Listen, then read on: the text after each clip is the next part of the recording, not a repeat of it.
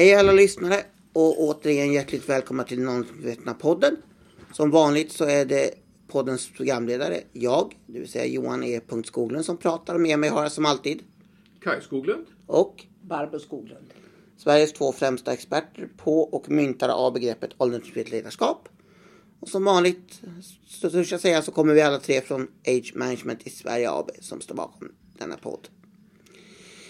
I slutet av förra programmet så pratade vi om att Barbro och Kai träffade Johan i Ilmarinen och frågade vad gör ni, vad gör ni i mars 2001?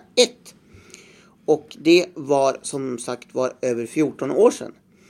Och i den här internationella utblicken tänkte jag börja med en liten nulägesanalys. Man kan undra vad har hänt när man står där 14 år senare. Och det är så att begreppet åldersmässigt ledarskap är spritt internationellt. Det är inte världens mest spridda begrepp, men det är spritt. Det finns en isländsk uppsats där begreppet nämns. Jag kan tyvärr inte något mer. Jag kan tyvärr ingen isländska, men jag vet att ordet finns där. Vi har spritt oss till Åland. Det är nämnt i en ledare i Ålandstidningen för något år sedan om att det är viktigt. Men det område där det främst har spritt sig till det är faktiskt Finland. Det är den svenska delen av svenskspråkiga delen av Finland. Där använder man ofta åldersmässigt ledarskap. Det finns i regeringsrapporter. Det finns i sådana här handlingsprogram när man till exempel säger att det här ska vi jobba med om personal och sånt där. Då står det att åldersmässigt ledarskap är en viktig del av, av det man ska arbeta med framöver. Så uttrycket har spritt sig. Och då kan man naturligtvis eh, ställa sig eh, frågan vad hände egentligen 2001 i Sariselki och vad, vad har hänt under åren framgent? Hur har det sett ut internationellt innan vi nu idag ser att vårt begrepp om ledarskap har spritt sig eh, eh, runt om i världen? Och det är det vi ska prata om i den här podden tänkte vi. Och då tänkte vi att vi skulle börja med att besvara just den frågan när Johan Ilmanen frågade vad gör ni i mars? Ja, eh, en liten kort resumé utav den, eh, vår internationella Ehm, eh, karriär eller vår internationella resa. Ja, vi åkte till Sariselke i mars 2001. Eh, vi var i Tammerfors i september 2001. Vi var i Berlin eh, i december 2002. Eh, och vi var i Seoul i Asien 2003 i augusti. Vid alla de tillfällena så pratade vi framförallt om hur vi hade tänkt att vi skulle göra. Hur det var tänkt. Eh, när vi var i Seoul hade vi, var vi mitt i en, i en eh, intervention, i två interventioner kan man säga som vi återkommer till senare. Och där kunde vi faktiskt tala om hur vi faktiskt gör, inte bara vad vi hade tänkt att vi skulle göra. Eh, det här var en början på eh, egentligen hela eh, resan med det åldersmedvetna ledarskapet. Mm, och 2004 då var vi faktiskt tillbaks i Sariselke. Det var ju så att 2001 gick vi, var vi där för att utbilda oss eh, eh av bland annat professor Johan Ilmarinen. Men nu var vi där som föreläsare för nu kunde vi berätta om hur man faktiskt kunde arbeta framgångsrikt med det åldersmedvetna ledarskapet. För nu hade vi slutfört de här interventionerna som Barbro nämnde och som vi kommer att berätta mer om senare och de var dessutom vetenskapligt utvärderade med ett väldigt positivt resultat. Och på den resan fortsatte det sig. Vi var i Tallinn och vi var i Verona och föreläste om hur man jobbar i praktiken. Detta på då vetenskapliga seminarier. Och vi var i Berlin 2005. Och just i Berlin 2005 så hände någonting väldigt viktigt. Eh, för alla de här tillfällena var Johanne Ilmarinen naturligtvis med som eh, föreläsare. Då säger eh, Johanne till oss så här när vi berättar om våra erfarenheter. You need to write the book. Det vill säga ni måste skriva en bok som berättar hur man gör. Och det har vi gjort och det ska vi också berätta om senare. Och sen Den- fortsätter det, eller hur Barbro? Ja, det som jag vill, vill eh, eh, återkoppla till när det gäller de här vetenskapliga konferan- eh, konferenserna som vi blev inbjudna till som praktiker. Vi var inbjudna praktiker.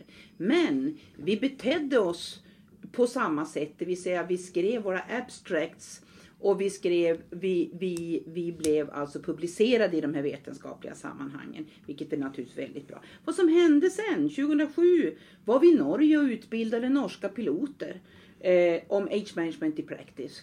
Och det var i, i arrangemang av det som heter Center för seniorpolitik. Absolut. Och när ni talar om piloter, då menar ni alltså?